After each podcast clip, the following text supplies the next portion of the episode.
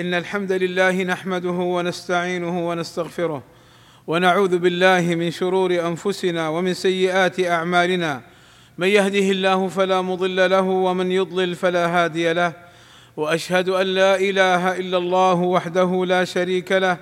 وأشهد أن محمدا عبده ورسوله. يا أيها الذين آمنوا اتقوا الله حق تقاته ولا تموتن إلا وأنتم مسلمون. يا أيها الذين آمنوا اتقوا الله وقولوا قولا سديدا. يصلح لكم أعمالكم ويغفر لكم ذنوبكم ومن يطع الله ورسوله فقد فاز فوزا عظيما.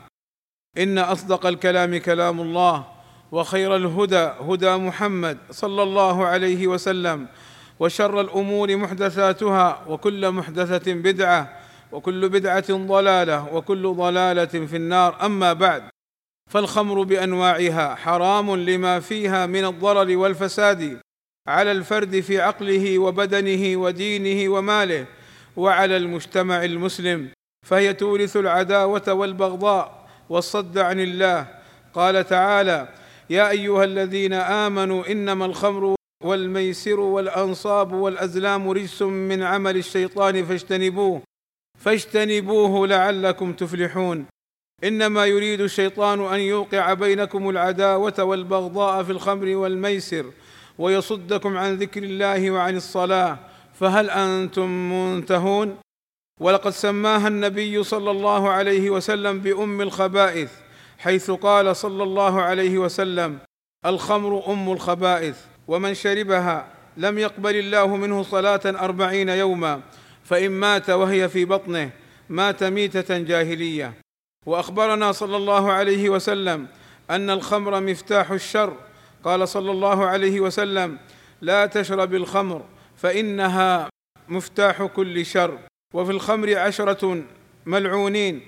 قال صلى الله عليه وسلم لعن الله الخمر وعاصرها ومعتصرها وشاربها وحاملها والمحمولة إليه وبائعها ومبتاعها وساقيها ومسقاها.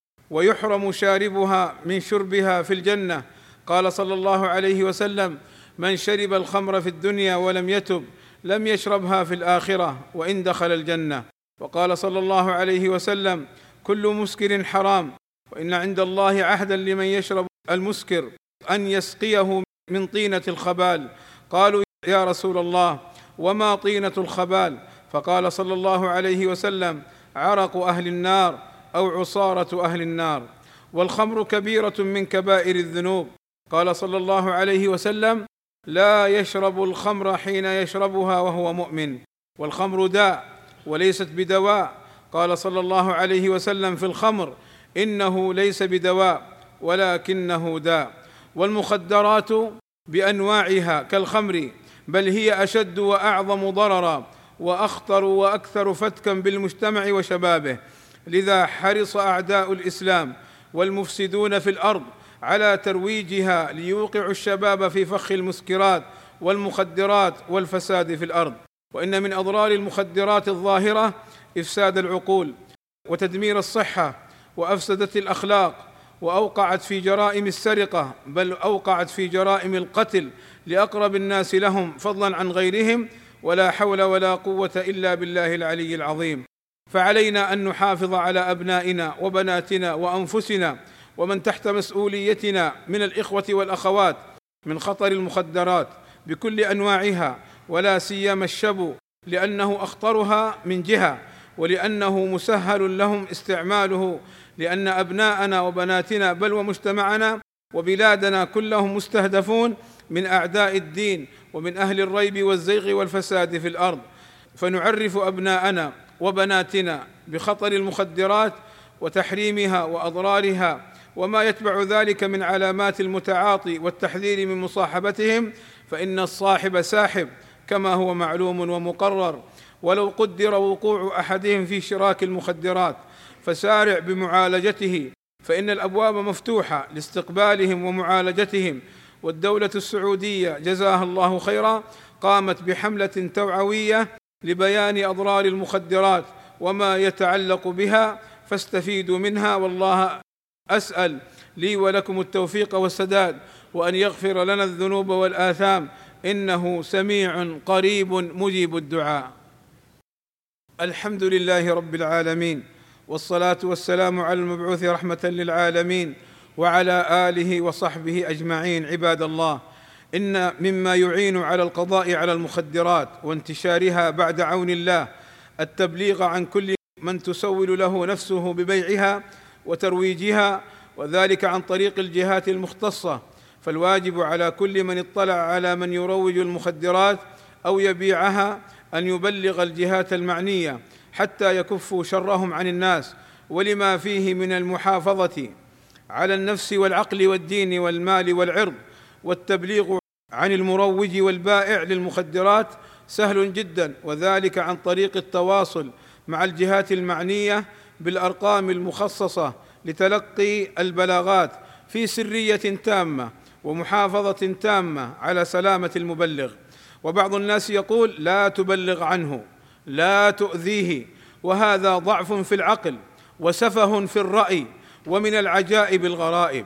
يعني هذا البائع والمروج يؤذي مجتمعا كاملا وتخشى عليه الأذى؟ لا بل هذا المروج والبائع ظالم ونصرتك للظالم بأن تمنعه من الظلم. قال صلى الله عليه وسلم انصر أخاك ظالما أو مظلوما. فقال رجل يا رسول الله انصره مظلوما فكيف أنصره ظالما؟ فقال صلى الله عليه وسلم تمنعه من الظلم فذاك نصرك إياه. عباد الله إن الله وملائكته يصلون على النبي. يا أيها الذين آمنوا صلوا عليه وسلموا تسليما. فاللهم صل على محمد وأزواجه وذريته كما صليت على آل إبراهيم.